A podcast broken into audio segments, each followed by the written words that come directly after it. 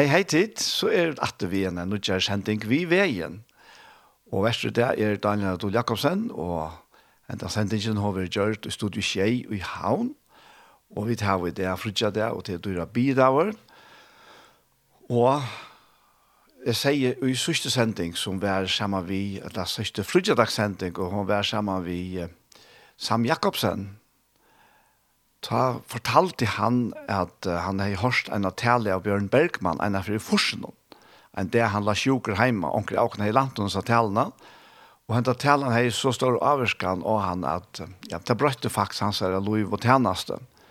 Og jeg sier ta at uh, vi skulle fære å spille hans her talene nå kommande frutja det at jeg vil altså si og i det.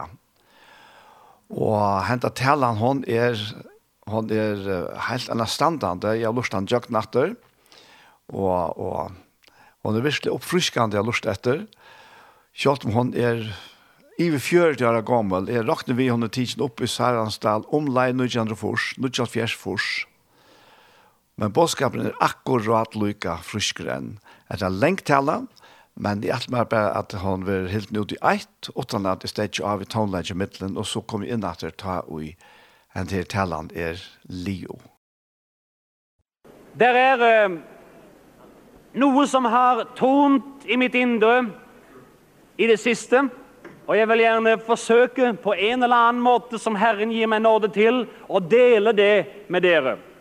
Jeg har ikke kommet til Saronsdal og reist denne lange veien for å preke, men jeg har kommet for å dele noe som bor i mitt hjerte, som Gud har lagt ned i mitt hjerte, og som jeg kjenner er et budskap til kristenheten i dag. Og jeg kjenner det at der hvor dette budskapet får tak, og dette får tak i hjertene, og det begynner å fungere, der forvandler omstendighetene seg rundt omkring. Og dette møtet har jeg tro for vil være et møte som vil ha ringvirkninger for måneder og år fremover. Jeg sier dette med frimodighet, og jeg sier dette med tro i mitt hjerte, Jeg vil ikke stille meg frem og ikke tro at det som jeg sier virkelig er betydningsfullt. For jeg har nemlig et betydningsfullt ord ifra Herren å dele med dere her i kveld. Hvordan det kommer ut, på hvilken måte som det ble presentert på, det håper jeg at dere ikke tar så veldig nøye. Jeg skal gjøre mitt beste. Men at Guds ånd må gjøre det levende, klart i vår ånd, så vi kan begynne å vandre i dette som jeg deler Siste gang som jeg talte her i Saronsdal i fjor, da talte jeg om vels, det velsignede liv. Velsignelse betyr, kommer i hva det greske ordet, evlogia. Ev betyr godt eller fint, og logia kommer av ordet logos, som betyr ordet. I kveld så vil jeg gjerne gå et skritt videre og tale om det som ikke bare er ordet, men som er det levende, gjørende ordet. Ordet som har blitt liv, som har blitt en virkelighet innen i deg, og som du får se blir en virkelighet også i det materielle og i virkeligheten omkring deg. Det er nemlig en virkelighet som er større enn den som du kan se, føle, ta og høre. Og det er virkeligheten i åndens verden. Og der er det det begynner alt sammen, i åndens verden. Der er det tingene forvandles før det ses med det naturlige øyet. Og det har blitt klart for meg mer og mer. Gud er villig på sin side til at vi skal på alle områder være en fremmed, marsjerende fremmed, stormende her, hvor fienden ingen mulighet har for å stanse oss. Vår kamp er ikke imot djevelen. Nei. Den har Jesus tatt seg av en gang for alle og beseiret ham. Men vår kamp og vår strid, det er troens gode og herlige strid. Prise Gud. Og det er det Gud vil føre oss inn i, en troens strid, hvor vi vandrer i tro. Den rettferdige i tro skal han vandre, og ved tro skal han leve. Tro Hva er det for noen ting? Det er sikkert mange som kan preke bedre om tro enn det jeg kan. Men jeg vil bare ta dere med litt grann inn i det som skjedde da Gud skapte verden. Vet du hva? Det har mer og mer gått opp for meg at Gud er en fantastisk kunstner. Han er en ubegripelig for vår forstand kunstner. Han har en kunstnerånd som er over all fatteevne. Fordi alt det som vi ser, hører, tar på og føler omkring oss, fugler og susen i trærne og trærne og blomstene og skyene og hva har du ikke omkring det. Alt det som vi ser, det er, var allerede før. Det var i virkeligheten synbart en virkelighet i Guds hjerte. Det var en realitet i Guds hjerte. Det begynte nemlig ikke med selve skaperordet, og at det begynte å komme inn i det materielle, at det ble en virkelighet. Men det begynte i Faderens hjerte. Der var det det begynte. Og Gud, han skapte, han så det for seg i sin ånd, før enn at det var en virkelighet i det synlige.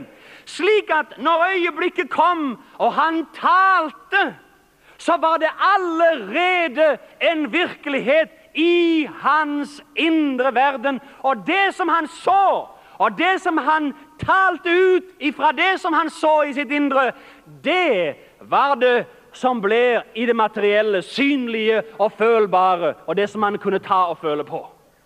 Men det var virkelig før den tid.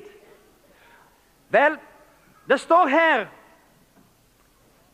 i uh, Første Mosebok kapittel 1, vers 26 og vers 28. Og jeg har ikke åpnet min norske bibel på en stund, så dere må ikke, jeg vil ikke, jeg er ikke kommet hit for å snakke engelsk på noen som helst måte, og det, men hvis jeg skulle snuble i et ord, vær så snill og tilgi meg, for jeg kommer ikke hit for å prøve å språke. For det må jeg prøve på hele tiden mens jeg er over der. Jeg vil helst prøve å gjøre så godt jeg kan. Og jeg har ikke glemt min norsk, det må det være klar over. Men det er litt forskjellige oversettelser. Og jeg har blitt vant til den oversettelsen. Men la oss se hva det står. Og Gud sa, La oss gjøre mennesker i vårt bilde, efter vår lignelse. Og de skal råde over fiskene i havet, over fuglene under himmelen, og over fet, over all jorden, over alt kryp som rører seg på jorden. Vers 28. Og Gud velsignet dem og sa til dem, Vær fruktbare og bli mange, og oppfyll jorden. Og legg merke til hva det står neste. Og legg den under eder og råd over. Og så kommer det alle disse tingene som de skulle råde over.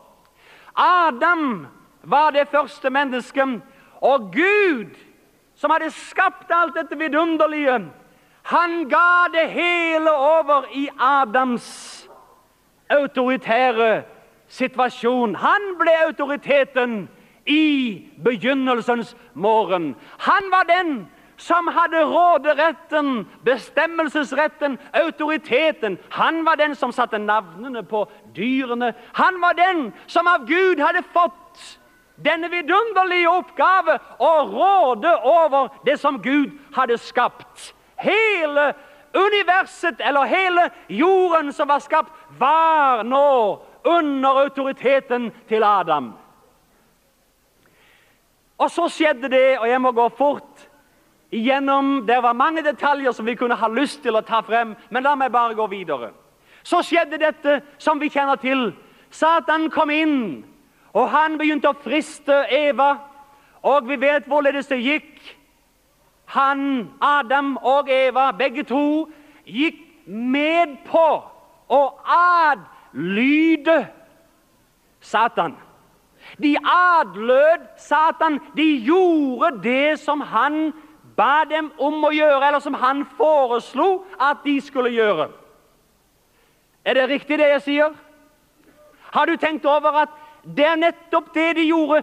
De gikk inn under hans autoritet. De lot han bestemme over dem. Adam kunne ha sagt der, nei, jeg vil ikke røre noe av det treet som er der, fordi det har Herren sagt til meg, og dermed så kan du bare forsvinne ut herifra. Du har ingenting her å gjøre, du har ingenting med meg å gjøre. Og djevelen måtte ha flydd av sted bort ifra ham, fordi Adam hadde autoriteten. Men i det øyeblikket som han gav efter, så gav han autoriteten over i Guds hender. Nei, over i djevelens hender om forlals, over i djevelens hender. Og Gud måtte stå på utsiden og se på det alt sammen, og kunne ikke gjøre noen ting med det. Autoriteten var gitt over i djevelens hender. Og så kom frykten, og så kom alt det andre, sykdom, nød, og død og elendighet og forbannelsen over jorden, fordi djevelen begynte med sine renkespill. Men Det kom en dag da budskapet lød til Maria der hun var. Engelen talte og sa, du skal bli fruktsommelig, du skal føde en sønn. Og du skal kalle ham Jesus, for han skal gjenløse, frelse, føre tilbake det som er tapt. Og vi vet i Romerbrevet, der leser vi om i det femte kapittelet, hvorledes Den enes fall ble til fordømmelse for alle mennesker, men den enes rettferdige gjerning ble til livsens rettferdiggjørelse for alle mennesker, hvorledes Jesus kom inn i verden, hvorledes han oppfylte loven, hvorledes han gikk efter Faderens ord og bud og regler, og det som han talte, det gjorde Jesus til punkt og prikke. Han imiterte eller gjorde efter sin far nøyaktig alltid slik som han ble talt og fortalt av ham, av faderen. Og så kom øyeblikket da alt som heter synd, sykdom, nød og alt det som har med det å gjøre, og det gjelder mange ting. Det er fattigdom, og det er elendighet, og det er eh, alle slags sykdommer, alle slags plager og alle disse tingene som vi kunne nevne i fleng. Alt dette ble lagt på Jesus, og Jesus bar det med seg opp på Golgata kors og ropte ut, det er fullbrakt. Alt sammen var betalt for, det var gjenopprettet igjen, det som var revet ned ved at Adam ga ifra seg autoriteten. Og så stod Jesus frem i Matteus 28, leser vi om det, og Jesus trådte frem efter oppstandelsen, talte til dem og sa, «Meg er gitt all makt i himmel og på jord, Derfor kan dere gå ut i mitt navn og gjøre alle folkeslag til mine disipler. Halleluja!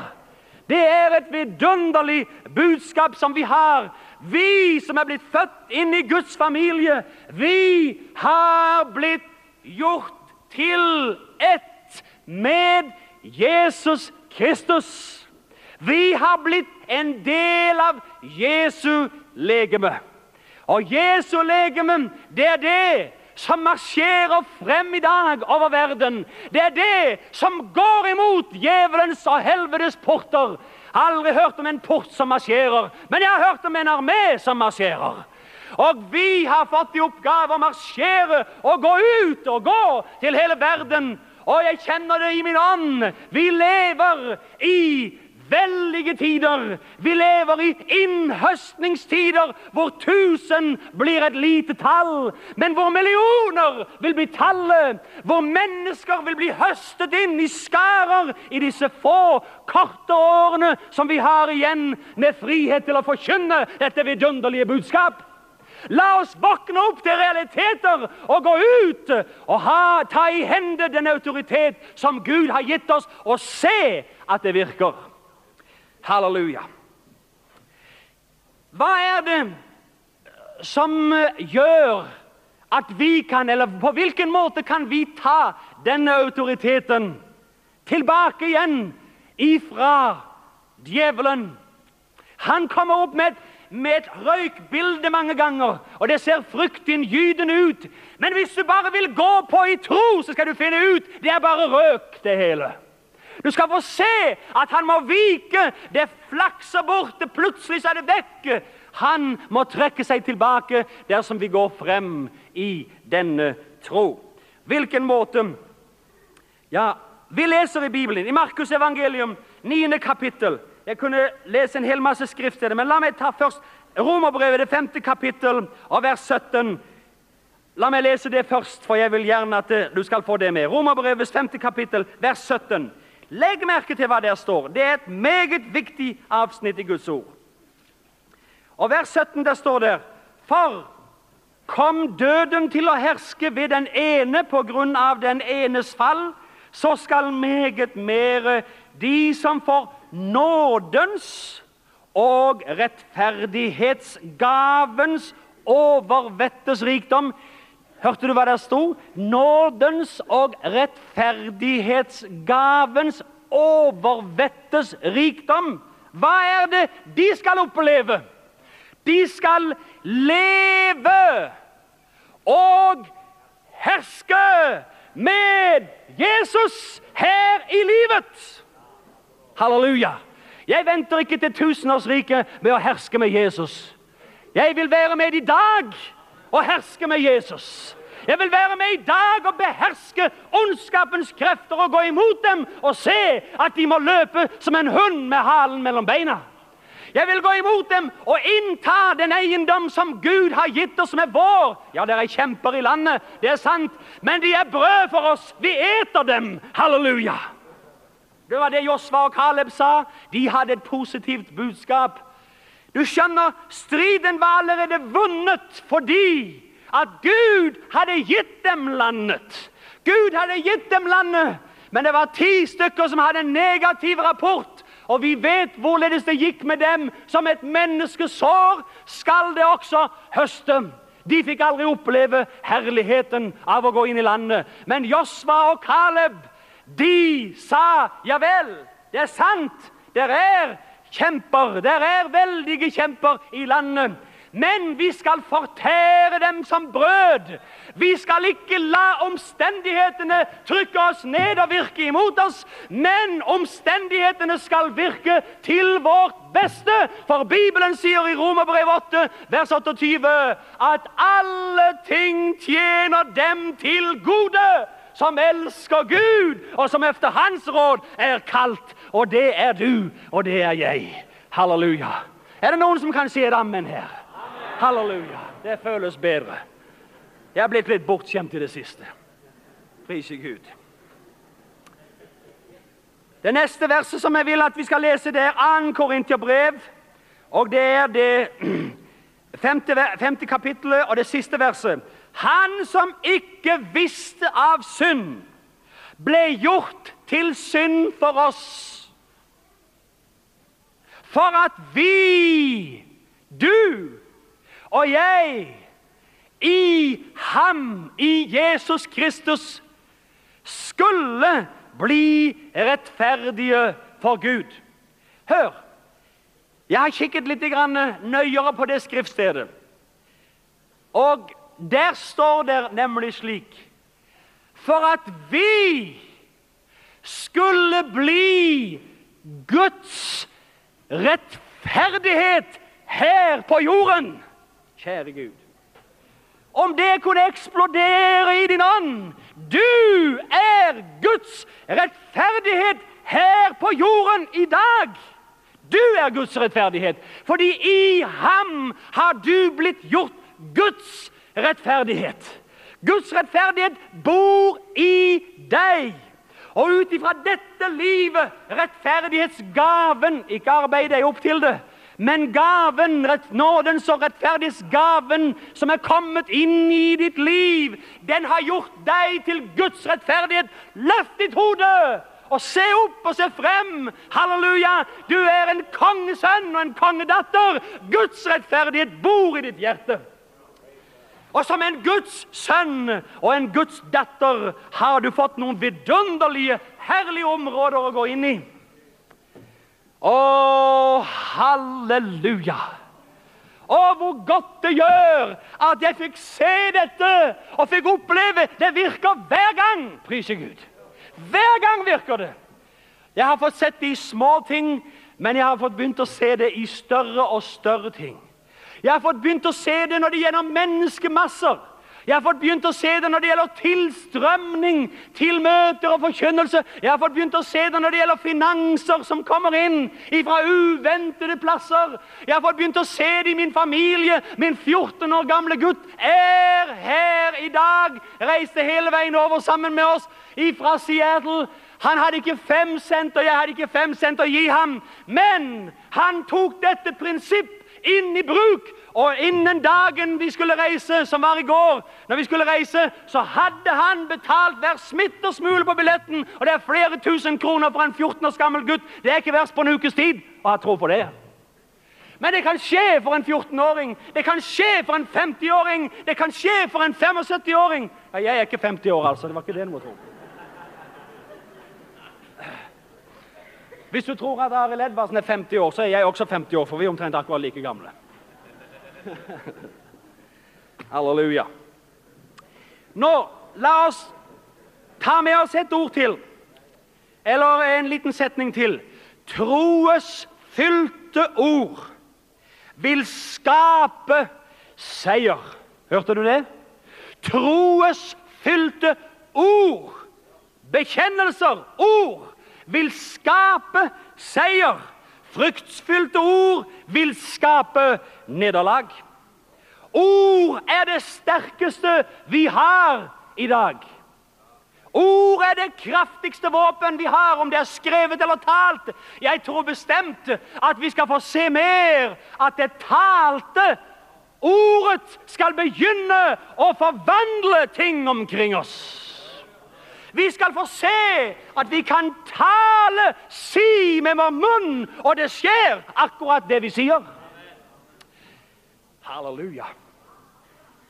Hva ville du si i dag hvis Jesus kom bort til deg og sa, Hør, min venn, min søster, min bror, ifra dette øyeblikk av, vil hva som helst du sier med din munn, det vil skje. Hva ville du gjøre da? Hva enn du sier med din munn, det vil skje. Skal jeg fortelle deg noe? Du ville legge om ditt snakkeliv litt grann. Du ville legge om ditt vokabular litt grann. Du ville begynne å tale og si andre ord enn de som har gått ut ifra din munn. Det er nemlig slik at noen ganger så sier de, «Nei, men, jeg tror faktisk jeg får influensa. Ja, men santen skal du være sikker på du får det også. For du får det du sier med din munn som du tror i ditt hjerte. Det får du. Ja, ja, du får det. Åh, jeg lo så jeg holdt på å dø. Pass deg du, pass deg. En vakker dag så kan du ramle om. Og jaså, Det skal jeg fortelle deg, det er ikke morsomt. For det har vist seg at får man nemlig holde på lenge nok, og jeg har eksempler på det. Jeg vet at det var en som si, sa det stadig vekk. Han sa det, ja, ja, en vakker dag så kommer jeg vel bli til å kjøre ned av tog. Det var en eller annen ting som hadde skjedd en gang, og så holdt han på å skøye med dette her. En vakker dag så kommer jeg vel bli, til å bli kjørt ned av et tog. En dag, det gikk nemlig fire eller fem år, Og stadig vekk kom han med den samme, lirte av seg den samme setningen. Fire eller fem år efterpå, så fant de han på jernbaneskinna overkjørt av et tog.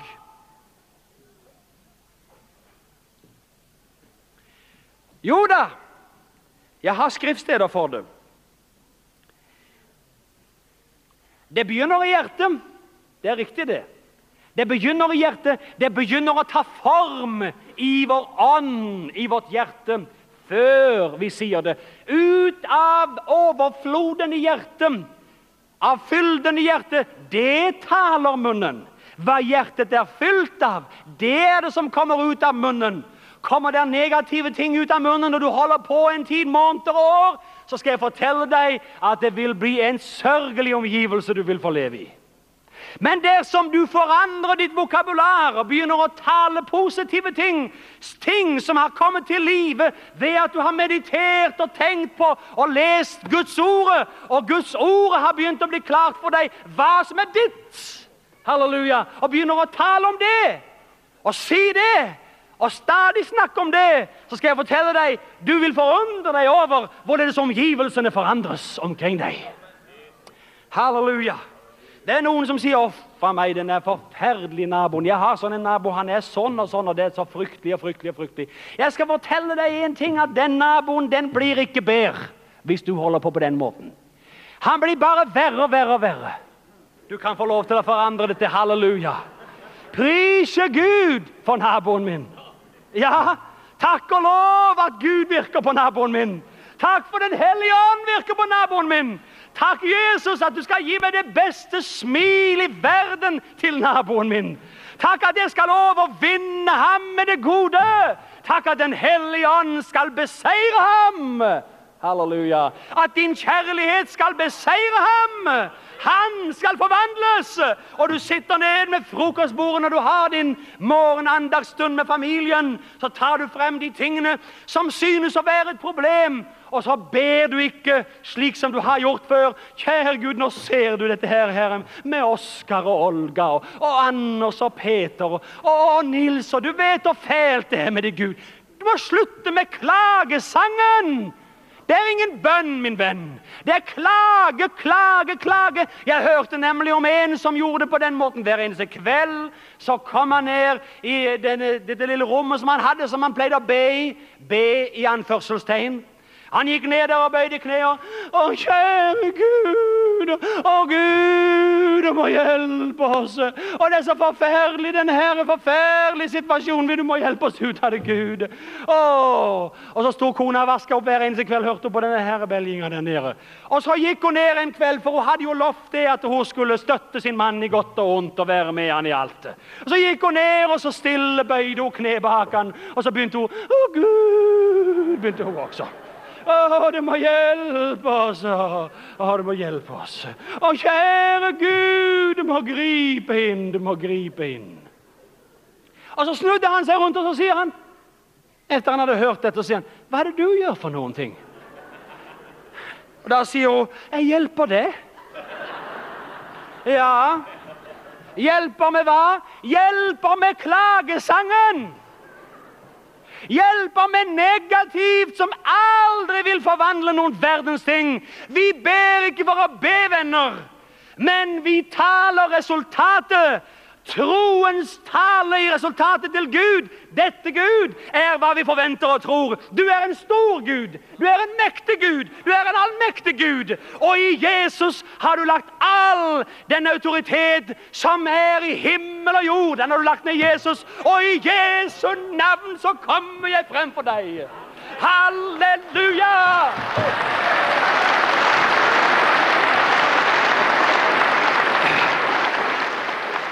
i Markus, i Markus evangeliet, i det 11. kapittel, mitt favorittvers, Markus 11, 23, 22, 23 og 24. Og Jesus svarte og sa til dem, ha tro til Gud. Der sier det egentlig, ha Guds tro. Ha Guds tro. Ha den tro som Gud har. Glory, halleluja. Nå måtte jeg si glory. Nå måtte jeg si. Her står det. Sannelig sier jeg eder at den som Hå, hør nå, hør nå. Den som sier til dette fjell. Har du et fjell i kveld? Jeg skal ikke legge henne på den eneste en i kveld. Men du skal være troesrøsten som fjerner problemene ifra din egen vei. Du! Du har et mirakel! Et veldig mirakel i din egen munn! For du har selve mirakelgjøreren i ditt hjerte. Prise Gud.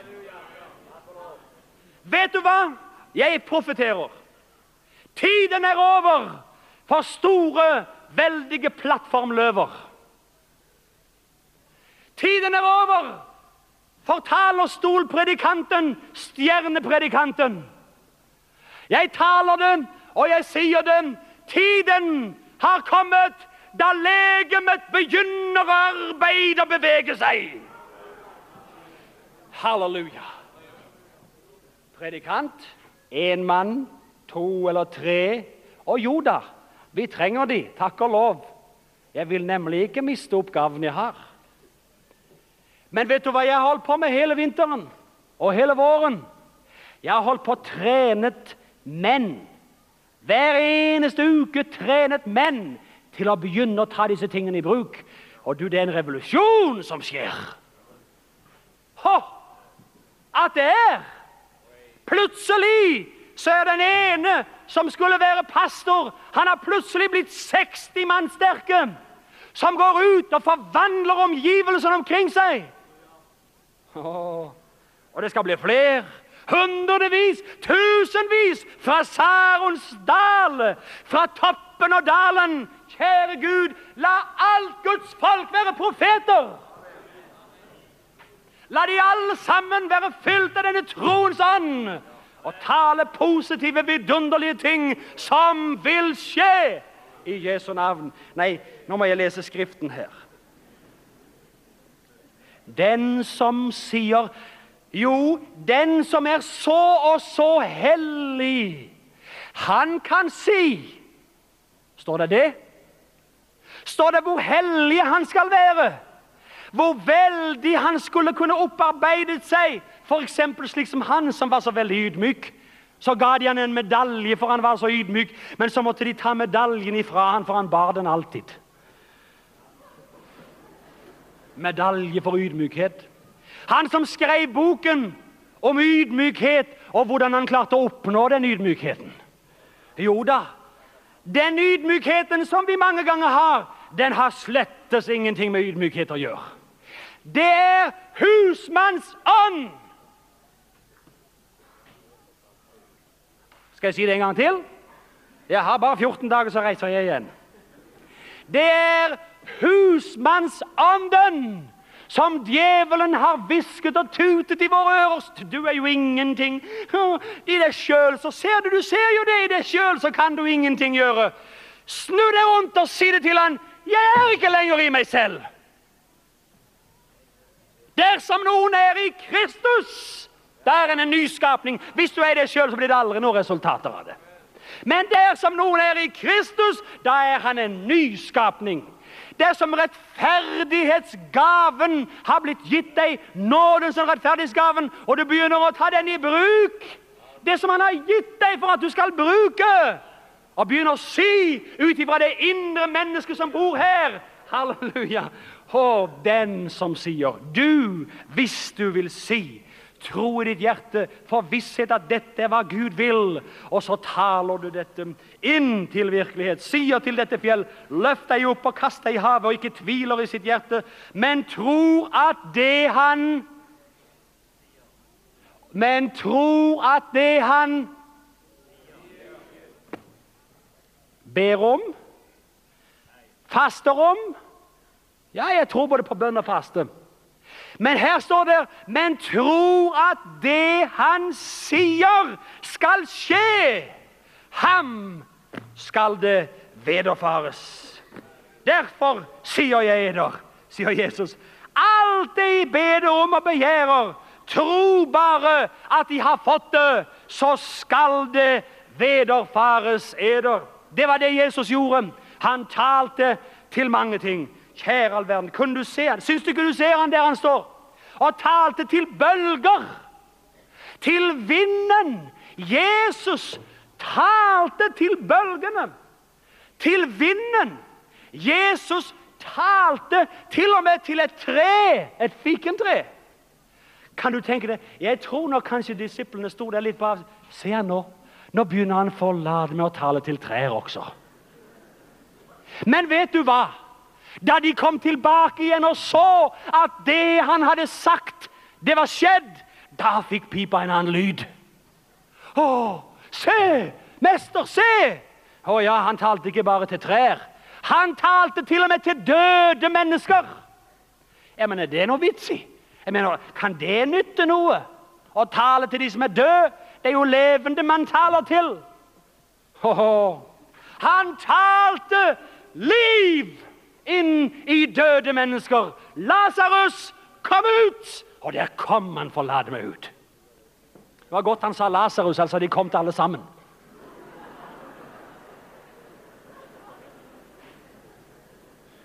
Nains, enken i Nains sønn, han talte til denne også. Han talte, og det skjedde. Han bød, og det stod der. Hva som hen du sier, Det er åndelige lover. Gud gjør ikke noe uten at han sier det først.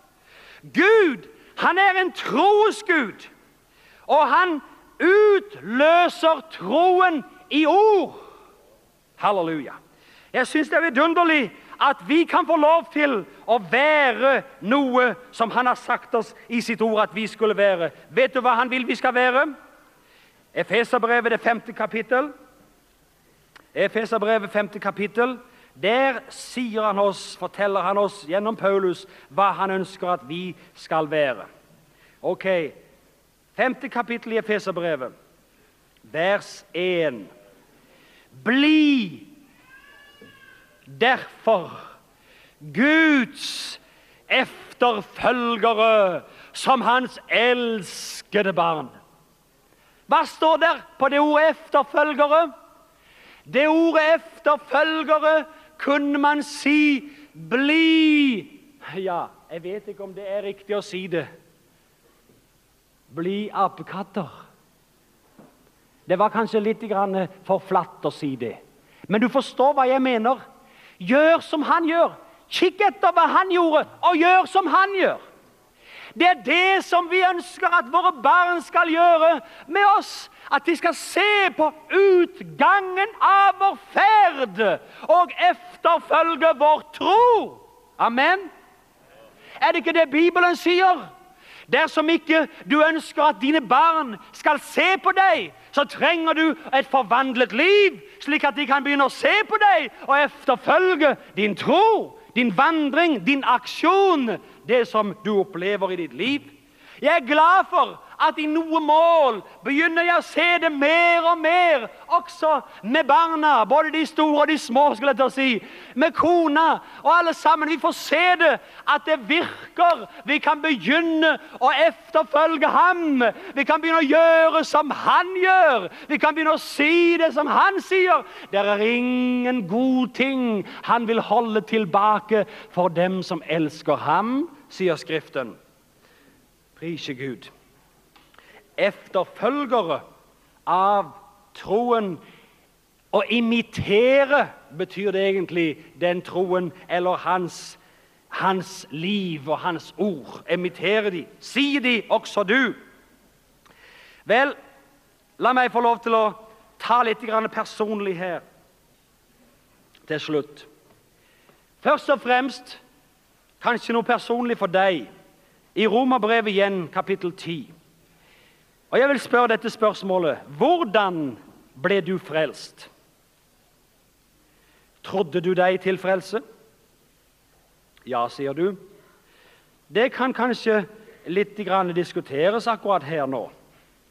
I Romerbrevet, det tiende kapittel, det vil jeg gjerne ta deg med og lese fra vers 8 til og med vers 10. Og der står det sånn, rettferdigheten av tro, hva sier den? Ordet er deg nær, i ditt hjerte, eller i din munn og i ditt hjerte. Det er troens ord, det som vi forkynner.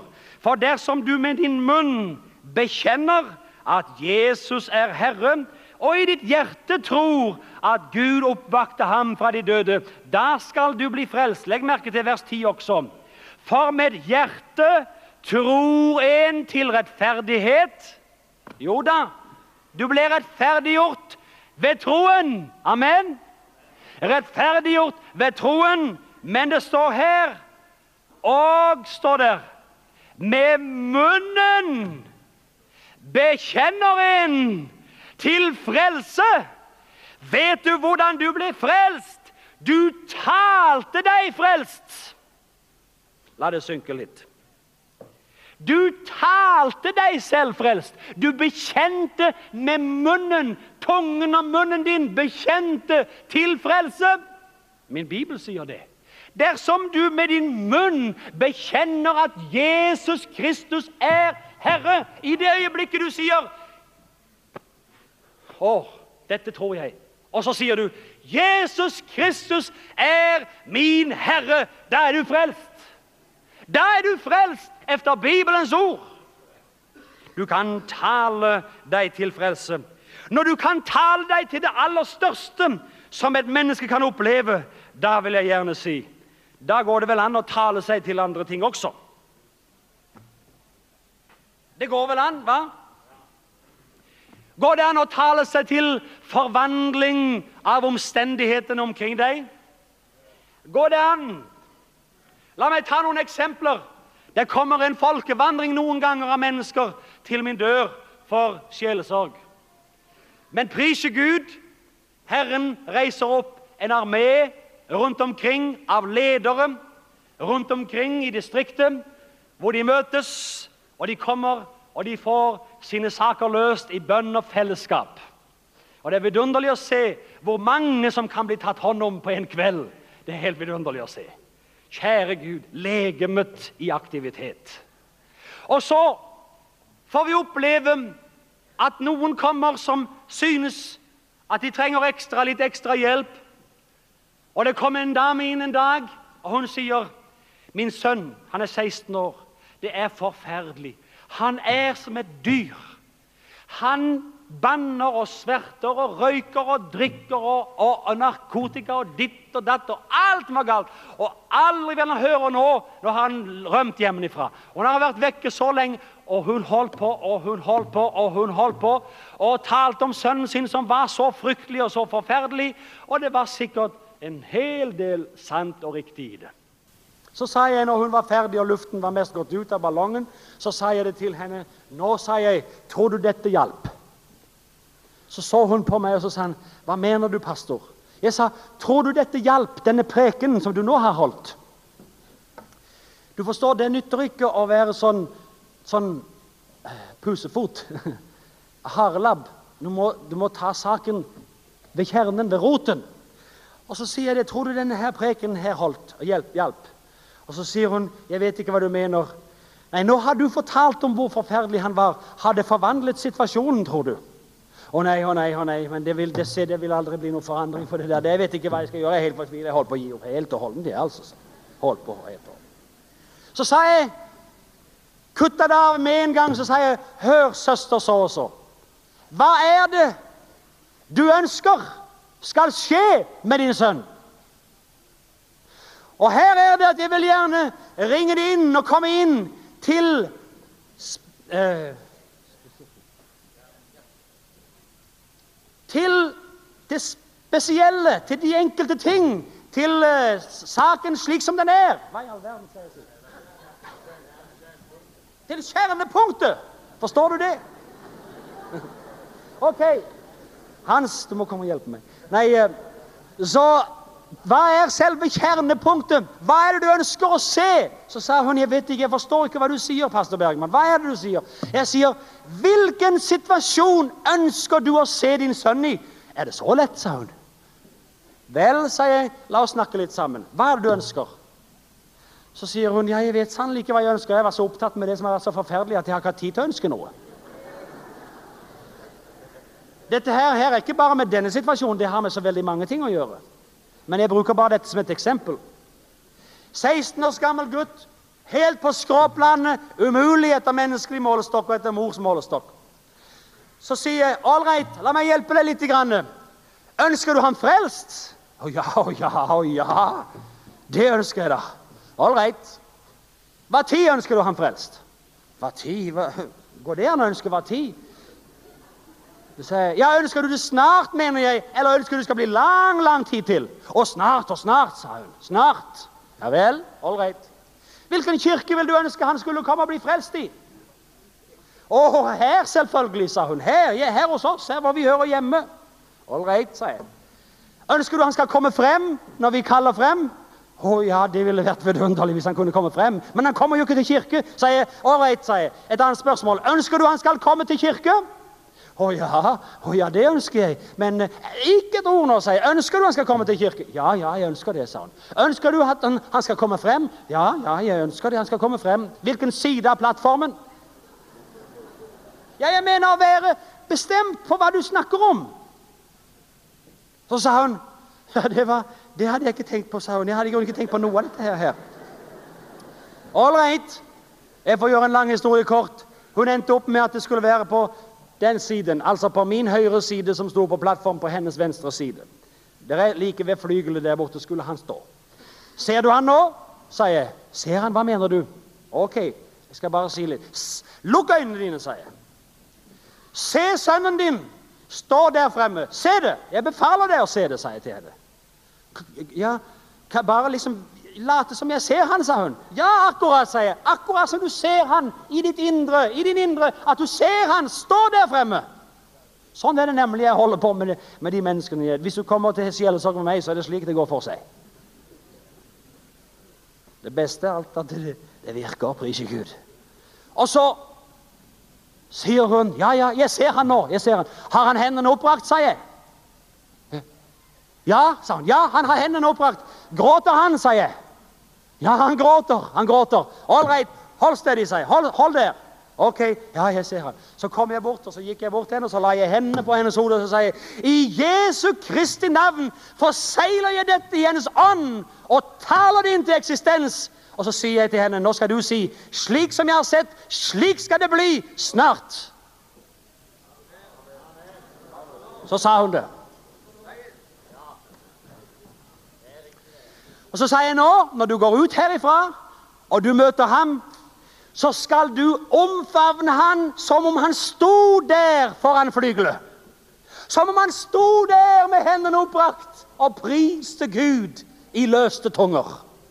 Slik skulle du omfavne han. Når du ser på ham, skal du se på han som om han er der fremme. For det som er din gutt, det er han som bor i din ånd.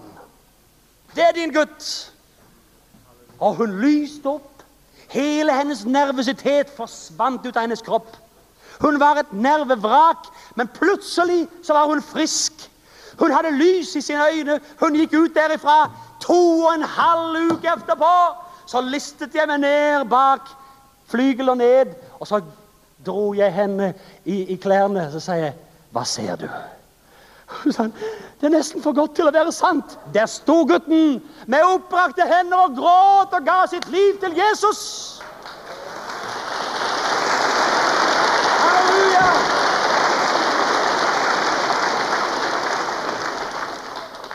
Sjeler er det viktigste i dette. Hvor mange har du tro for i din hjemby, hjembygd, i din nabolag? Hvordan ser du dem? Ser du dem som en trussel, eller ser du dem som et vidunderlig bønnesvar, som en seier? Hvordan ser du på menneskene omkring deg? Hva er de for deg? Er de motstandere som er så hårdnakkede, vanskelige og problematiske? Eller er de mennesker som Gud har forvandlet? Åh, skapelsen var en virkelighet innen i Guds hjerte før den kom til syne. Det er en større virkelighet du bærer i din barm. Troens klare øye ser det før det ses med det synlige eller det naturlige øye. Jeg skulle ønske jeg hadde med meg en kjær bror her, og min kone og andre, som kunne være med og beskrive. For dere, det som Gud har gjort for oss. Og jeg vil gjerne ta med meg også en liten historie om min egen sønn. Bjørn Tore, som nå er 17 år, og en herlig, åndsfullt, levende, brennende, trosfrisk kristen.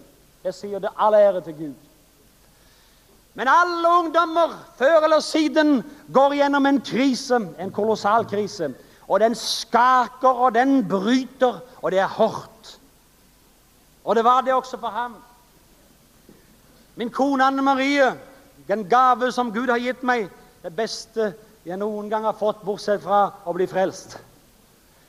Hon trodde og hun holdt dette upp som vi hade delt med hverandre. Och jag hade, jag er glad för jag ser en av bröderna här som upplevde och se detta med sina ögon, det som jag trodde for. Kjell här, Jeg var i Tyskland, og Gud gav meg et bilde. For jeg sa, Gud, hva skal jeg tro for? Hjelp meg, så jeg kan ha noe fast å tro for. Så sa han, det beste du kan tenke deg. Ja, det beste jeg kan tenke meg, det er at han står på en plattform. På en talerstol. Med hendene løftet opp. Han sitter kanskje her nå. Blir litt rød av og til når jeg forteller det. Med, Med hendene opprakt. Tårene strømmende. Nedover kinnene hvor han priser Gud og leder forsamlingen inn i lovprisning og tilbedelse. I det naturlige, mm -mm. men her inne var det en virkelighet. Og jeg bar på det i min barm og min kone, og vi hadde det der, og vi så ham stadig vekk slik. og så fikk jeg en kort tid senere høre at de hadde vært i Arendal. Och så hade Kjell Halter plötsligt sagt, för det hade det skett allerede någonting i hans hjärta. Ting hade begynt att ske. Gud var i arbeid, och jag ska fortälla dig, han är i arbeid. Gud är i arbeid, han har änglar i arbeid i virksomhet, bare vi vil utlösa det med vår tro. Så begynner de, kjære Gud, du skulle se hvilken aktivitet som det sker når troens øye ser, og vi begynner å tale det inn i virkeligheten og jeg talte dette, jeg sa det med min munn, daglig dagstøtt i mine bønner, så var det, Herre, jeg takker deg, for han står der og priser ditt navn og lovsynger deg, akkurat der på talerstolen, og folk blir løftet fordi Guds ånd er der, og han får lov til å være til tjeneste. Og så hørte jeg gode nyheter, og Kjell hadde plutselig sagt, du Bjørn Tore, kan du komme her frem og lede i bønnen? Og der kom han, så var det stilt en liten sund. Og så gikk hendene opp, og så strømte tårene, og så, så kom Guds ånd. Halleluja, så skjedde det nøyaktig, slik som man hadde tro for. La meg få lov til å være litt personlig. Jeg tror nemlig at dersom ikke det kan skje i vår nærmeste omkrets, så er det ingen vits i at vi går til et annet land eller en annen by og begynner å forkynne det. Jeg tror vi skal se det hjemme, i vårt hjem, i våre omgivelser. Halleluja, folk kan få lov til å begynne å tro på noe av det vi forkynner når vi sier at Gud vil at vi på alle deler skal ha det godt og være ved god helse, liksom vår sjel har det godt. Hvis det skjer, da har de grunn til å tro det. Og jeg gikk der på fattigkassa så lenge, og jeg var så fornøyd med denne skalken. Om jeg bare kunne få en skalk, Gud, jeg er ikke så, det er ikke så nøye, jeg behøver ikke så mye. Og så fant jeg plutselig ut en dag at det var ikke noe mer tro som skulle til for å gå på første klasse eller å gå på økonomiklasse. Jeg kunne tro like så gjerne for en fin bil som jeg kunne tro for en gammel skabarak som humpe og som du blir stående med oppe i hei langt borti hutti heiti. Jeg kunne tro for noe som gikk og som fikk arbeid for Herren og som jeg fikk glede meg i, priser Herren i. Når jeg kom nå over til Amerika, Og du skal ikke tro at det er i Amerika bare det skjer. Jeg har sett det her hjemme, men jeg vil ta noe helt friskt, noe helt nytt. Nå skal du ikke tro at jeg har blitt høy på pæra, for det har jeg sannelig ikke blitt. Eller langt ifra. Jeg kjenner det, at jeg har begge beina på jorda, det har ingenting med det å gjøre. Og forresten, la meg si det, du kan kjøre en gammel dårlig bil, og din ånd kan være så fryktelig at den er forferdelig. Og du kan kjøre i en flott, flott bil, og du kan synge og juble og prise Herren, og det kan være en hel oppbyggelse her sammen med deg. Ja. Men der satt jeg og tenkte, hva skal jeg ha tro for? Skal jeg ha tro for? Hva er det for noe jeg liker godt? Så sa Gud, du kan ha det du vil si. Det kan du ha. Og kjære Gud, tenkte jeg, hørte det så klart, jeg kan ha det jeg sier. Jeg sa det med en eneste gang. En Cadillac, sa jeg med en gang.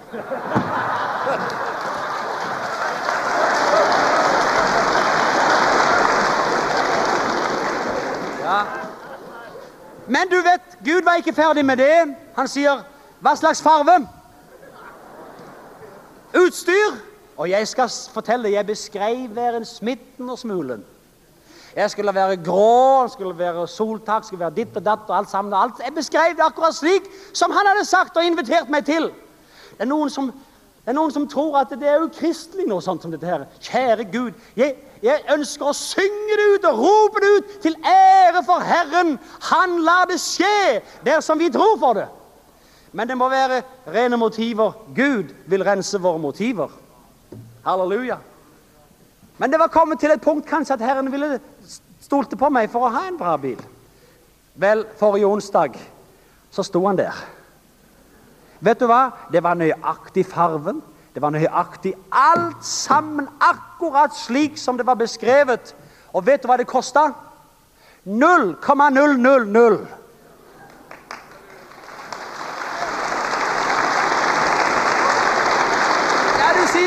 Ah, yes, det er Amerika det der, det er, du må ikke snakke sånn her, det er Amerika. Jeg har ikke kommet hit for, for å forkynne Amerika. Men den Gud som lot underet skje er din Gud. Du kan ha det hvis du har tro for det, og dersom det tjener til den virksomhet og til det arbeid som du får lov til å være med i, i Guds rike. For Bibelen sier, søk først Guds rike. Hvor er det henne? Guds rike, hvor er det henne? Det er innen i deg. Halleluja! Og hans rettferdighet, det står nemlig ikke, søk først Guds rike og din rettferdighet. For slik blir det ofte forstått. Men søk først Guds rike og hans rettferdighet. Hvem er det? Hvem er det som er Guds rettferdighet? Det er Jesus. Hvor bor han henne, må jeg spørre? Han bor ved troen i vårt hjerte. Halleluja. Du vil nesten ikke tro det når jeg begynner å gå videre. Derfor så skal jeg spare deg for de aller verste sjokkene. Men det er ikke grenser for hva du kan ha tro for. Men jeg begynte med det aller, aller viktigste, og hva er det for noe? Det er sjeler, dyrebare sjeler, som skal høstes inn. Jeg har tro for en stor, stor høst i denne tiden. Jeg har tro for tusenvis på tusenvis av mennesker, til og med i distriktet der hvor jeg bor, og der hvor vi virker. Jeg har tro for at Gud skal virke på dem på en vidunderlig måte, og vi skal få være med å høste dem inn og høste dem inn. Vi skal få være med og lede dem til grønne gressganger og vilens vann. Vi har en kort tid igjen, så kommer han som kommer skal. La oss arbeide mens det er dag. La oss tro for sjeler mens det er dag. La oss tro for midler som kan spide opp arbeidet i dag mens det er dag.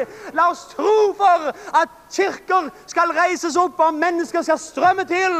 La oss tro for at misjonærer skal sendes ut og at underhold skal ordnes med på bare kort tid. La oss tro for at innfødte skal gå til stammer som aldri har hørt evangeliet. La oss ha tro for det. La oss se glede med vårt indre øye, og la oss sette det i aktivitet med vår munn. La oss tale det, og la oss tro på det. Og hvis en er med, som den som er her i kveld, vil begynne å tale ting inn i eksist til eksistens, nevne det. Nevne. Halleluja.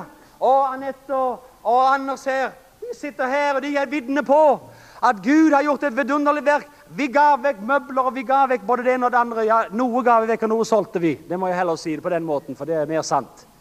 Men mye av de tingene som vi hadde gav vi vekk, og reiste fra hus og alt sammen, og kom over, og Herren hadde sagt i sitt ord, at dersom vi forlot og fulgte Han, så skulle Han gi oss huser og åkrer igjen.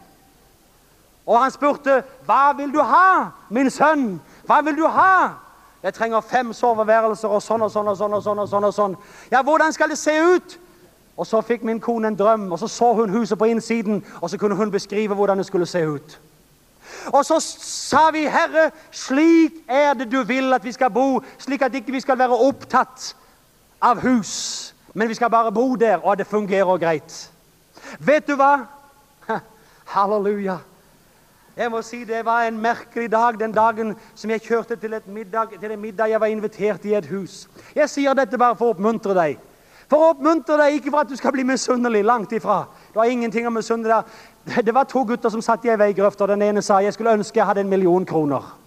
Så sa den andre, hvis du hadde en million kroner, kunne du gi meg et par tusen da? Og snudde han seg den andre, og så sa han, ønsk selv din lat hans.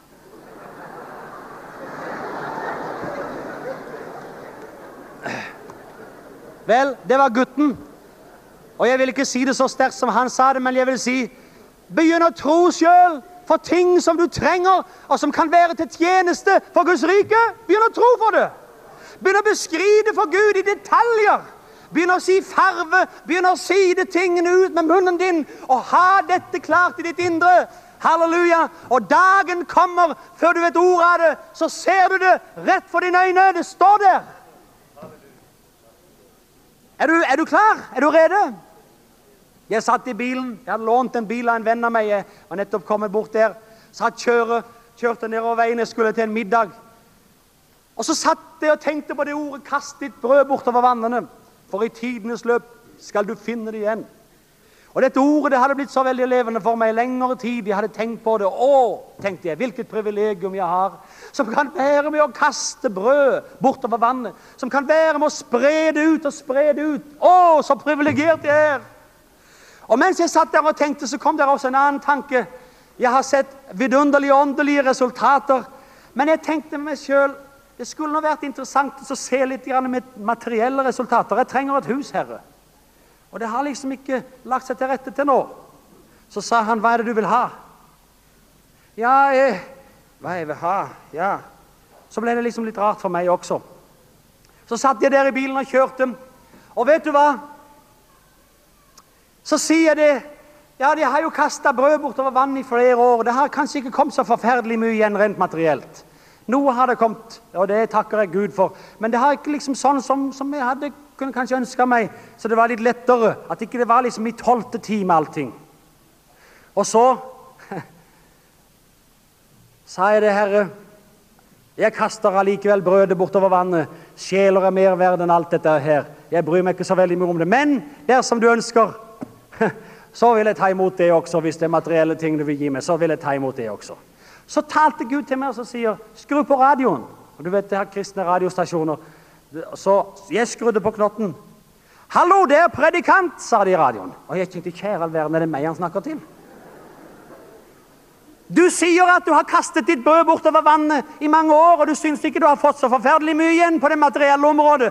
Men la meg si deg akkurat nå at bølgen snur seg og kommer tilbake til deg. Men du må tro det, og du må tale det nå. Og jeg skal fortelle det jeg var snar. Jeg sa, å ja, ja, bølgen snur seg. Takk og lov, Herre, bølgen snur seg nå. Nå snur bølgen seg, og det kommer tilbake det som jeg trenger, og det som jeg har tro for, hus og alt det som jeg trenger for at jeg skulle kunne virke for Herren på rett måte, der hvor jeg skulle være. Tre timer efterpå, så var det en mann som sa til meg i det huset hvor jeg var spist middag, «Hvordan liker du huset da, sa han. Og jeg så meg omkring og tenkte, «Kjære Gud, hva er dette for noe?» Det var jo et hus som, det var jo et drømmehus. Og ja, og mange soverom er der. Så, ja, der er fem, sa han. Og så begynte jeg å spørre. Hvordan ser du? Ja, du kan se det, sa han. Tok han meg med rundt, viste meg huset. Å, kjære, jeg ble helt forskrekk. Jeg tenkte, hva er dette for noe? Hva er det nå? Jeg liksom følte det var noe i lufta. og han og kona, de stod og kikket på meg som to små barn, og så sa de, likte du det? Å oh, ja, sa jeg. Det er akkurat slik som kona mi har sett i en drøm, og slik som jeg har trodd for seg. Det er akkurat slik jeg er det. Men det sa jeg efterpå at de har sagt, om forlatelse. Jeg, må, jeg, jeg sa litt for mye. De sa, likte du det, sa de. Ja, sa jeg, jeg synes det var veldig fint. Det er ditt. Mitt, sa jeg. Ja, det er ditt. Vi vil gi det til deg og din familie. Gi det. Jeg hadde aldri fått noe sånt før i mitt liv. Jeg visste ikke hvordan jeg skulle ta imot, hva jeg skulle, hva jeg skulle gjøre. Så sa han, ja, har du, har du hatt tro for noe sånt, eller hva er det?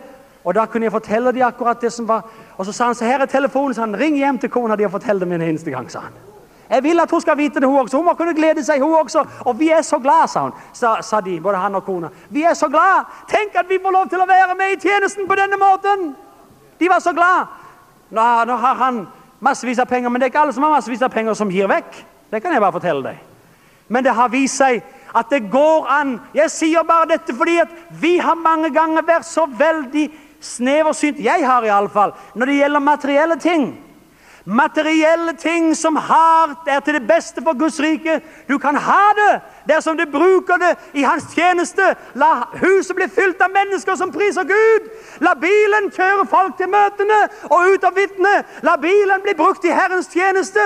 La pengene gå til misjonen som Herren velsigner deg med. Send det inn til tronsbevis og til menigheten din, tienden til menigheten og alt det andre som du får som Gud velsigner deg med. Send det til tronsbevis eller hva det enn er som du har tro for i ditt hjerte at jobben blir gjort at de får brakt ut evangeliet. Forstår du hva jeg sier? Jeg vil ikke konsentrere meg så veldig mye om materielle ting, men jeg tror at vi kan ta lokket av og ha tro for alle ting, også materielle ting, for at Guds rike i disse dager må bli utbredt hurtig og snart. Og nå er det din tur. Hva er det du har tro for? La oss tenke et lite øyeblikk, bøy våre hoder et øyeblikk, og så vil jeg spørre deg, bare bøy din hod, ditt hode rett der du er så vil jeg spørre deg, hva er det som er ditt største behov akkurat nå? Ditt aller største behov som er presserende i ditt liv, og som du vet at hvis det skjer, da vil ting forandre seg i mitt liv. Da vil ting bli annerledes. Er det en sønn eller en datter? Er det en økonomisk situasjon? Eller er det en annen situasjon? Er det sykdom? Er det nød eller problemer? Er det vanskeligheter på jobben? Hva er det for noen ting som er ditt problem? Kan du se løsningen? Kan du se en vidunderlig løsning på det? Kan du se den syke, frisk, løpende omkring? Kan du se den ufrelste prise Herren og omfavne deg som en gjenfødt sjel? Kan du se det i din ånd? Jeg vil at du skal se det i din indre verden. Gud har gitt deg muligheten til det, fordi du er en sønn og en datter av ham, og du kan gjøre slik som han gjorde det han skapte, og du kan skape det her i kveld ved å si med din munn det som du har tro for. Halleluja! Vi skal prise Herren, vi skal synge og love Herren et lite øyeblikk. Og mens vi gjør det, så skal du begynne å tale det som du ser i ditt indre. Jeg vil du skal lukke øynene dine et øyeblikk nå. Lukke øynene dine og se det for deg, det som du har tro for. Hver og en har noe som de har tro for her i kveld. Hver og en, jeg vet det. Og dersom du vil våge det, så skal det bli en herskare med bønnesvar, med mirakler, som skal komme ut ifra dette møtet. Jeg er overbevist om at det skal ha ringer som ringer i vann rundt omkring. Er det en nabo? Er det en datter, en sønn? Er det en mor eller en far? Er det besteforeldre? Er det en svigermor? Hva er det for noen ting som er et problem for deg? Ser du det? Jeg gir enda et lite tid. Du lukker øynene, du beskriver det inn, ser det i ditt indre. Du ser resultatet. Du ser bønnesvaret. Du ser det som du lengter etter, som du ønsker. Det som du har tro for. Og der, vi skal forseile det og beseile det ved den hellige ånd der. Og dette skal du holde der, holde der, holde der, inntil troen blir en virkelighet og en realitet. Du skal ikke ta det tilbake, og begynne å si, nei, det nytter hvis ikke likevel. Nei, djevelen skal ikke få det taket. Du skal si, jeg står deg imot djevel fast i troen. Jeg holder dette faste, og du må fly fra meg. Det sier Bibelen. Du kan stå ham imot med troens gode strid. Halleluja. Hvor mange av dere er det som har det klart? Løft en hånd. Som har det klart i deres indre. Som er klar til et mirakel. Som ligger foran dere. Løft deres hånd. Ser, der det, det, det, ser du det i ditt indre? Ser du det klart i ditt indre? Løft din hånd høyt opp hvis du har tro for det. All right. La oss stå opp på våre føtter. La oss stå opp på våre føtter. Hold det der. Hold det der nå. Se det for deg. Lukk dine øyne. Se det for deg. Himmelske far, som dine barn kommer vi frem for deg i Jesu Kristian Naserets navn frem for din trone med gled og fryd i våre hjerter. Du er så god imot oss. Og vi takker deg, og vi priser deg, og vi hyller deg, og vi tilber deg. Du er rik nok for hver den som påkaller deg i kveld. Du er rik nok, Herre, for alle de ting som dere er tro for i denne forsamling i kveld, Herre. Og i Jesu Kristi navne, så beseiler vi hvert eneste trosvisjoner. Jeg beseiler det i Jesu Kristi navn i din ånd. Og nå skal du beskrive dem. Nå skal du beskrive det for Herren. Bare fortsatt å prise Herren og ha dine hender oppbrakt og lov å prise ham. Og beskriv hva du sier, hva du ser. Si det med din munn. Og si det for deg selv. Du behøver ikke si det til de andre omkring deg. Si det til Herren. Si det til andeverdenen. Jeg ser! Og så skal du si hva du ser. Og så skal du si, dette skal skje i Jesu navn, efter Guds ord. Halleluja! Halleluja! Salmen sier at for evig står hans ord fast i himmelen. For evig står hans ord fast i himmelen. Nå er det opp til deg at det skal stå fast på jorden. Halleluja! Åh, oh, halleluja! Det utløses en, en mengde med krefter i åndens verden som begynner å settes i funksjon. Halleluja! Engleverdenen er i aktivitet. Ja! Å, oh, halleluja! Det virker i åndens verden. Prise Gud! Halleluja! Å, oh, jeg kan se skarer av mennesker som priser Gud for bønnesvar i nær fremtid. Halleluja! Som lover Gud for et herlig bønnesvar i aller nærmeste fremtid. Halleluja! Den datteren din som du er så bekymret for, du er ikke bekymret for henne noe mer. Vær ikke bekymret for din datter, sier Herren, for han har saken i sin hånd. Halleluja! Halleluja!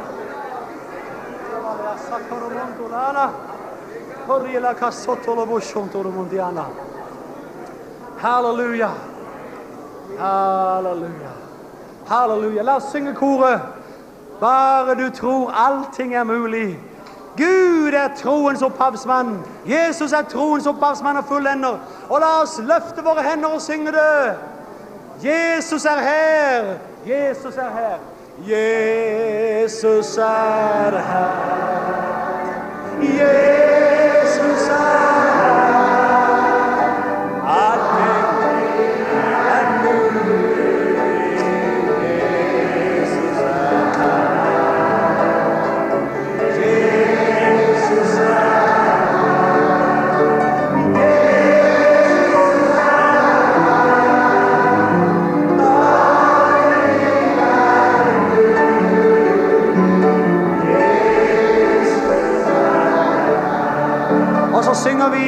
Jesus, jeg tror, Jesus, jeg tror, Jesus, jeg tror.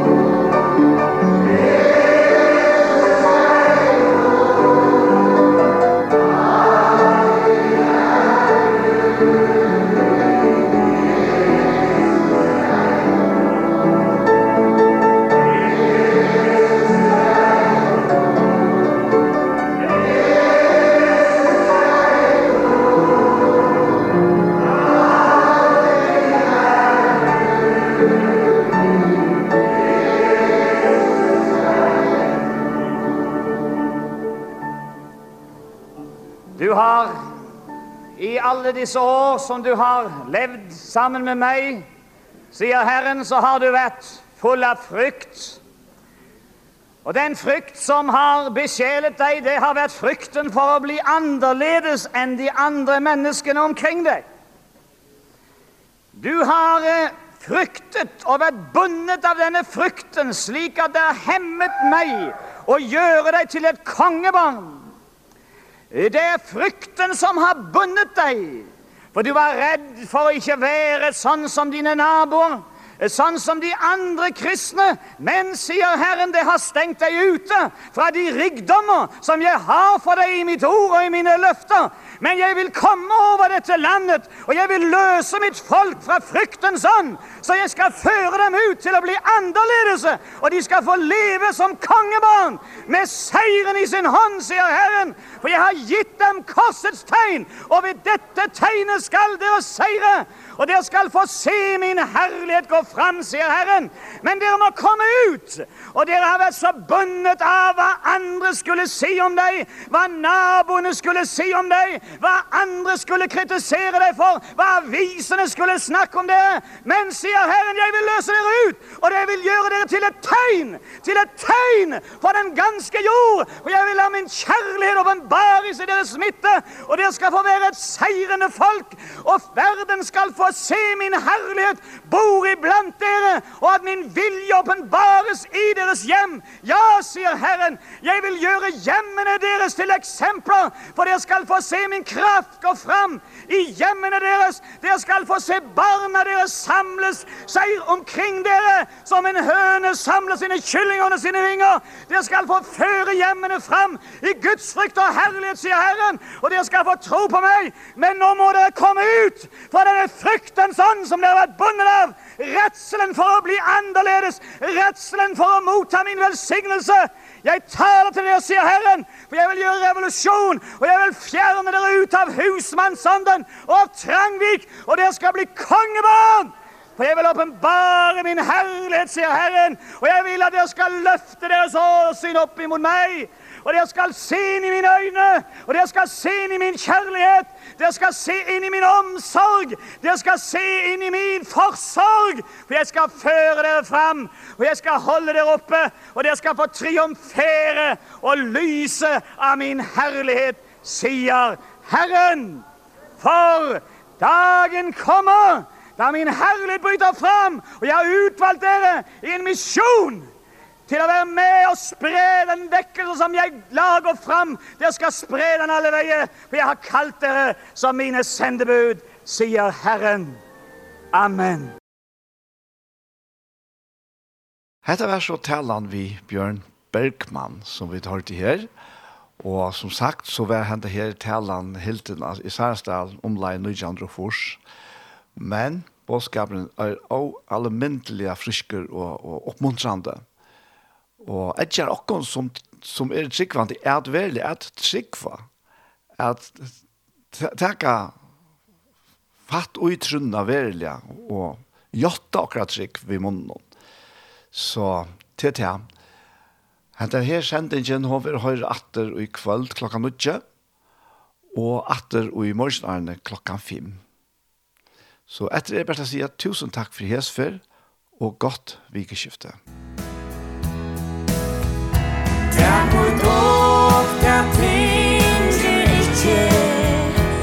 so hans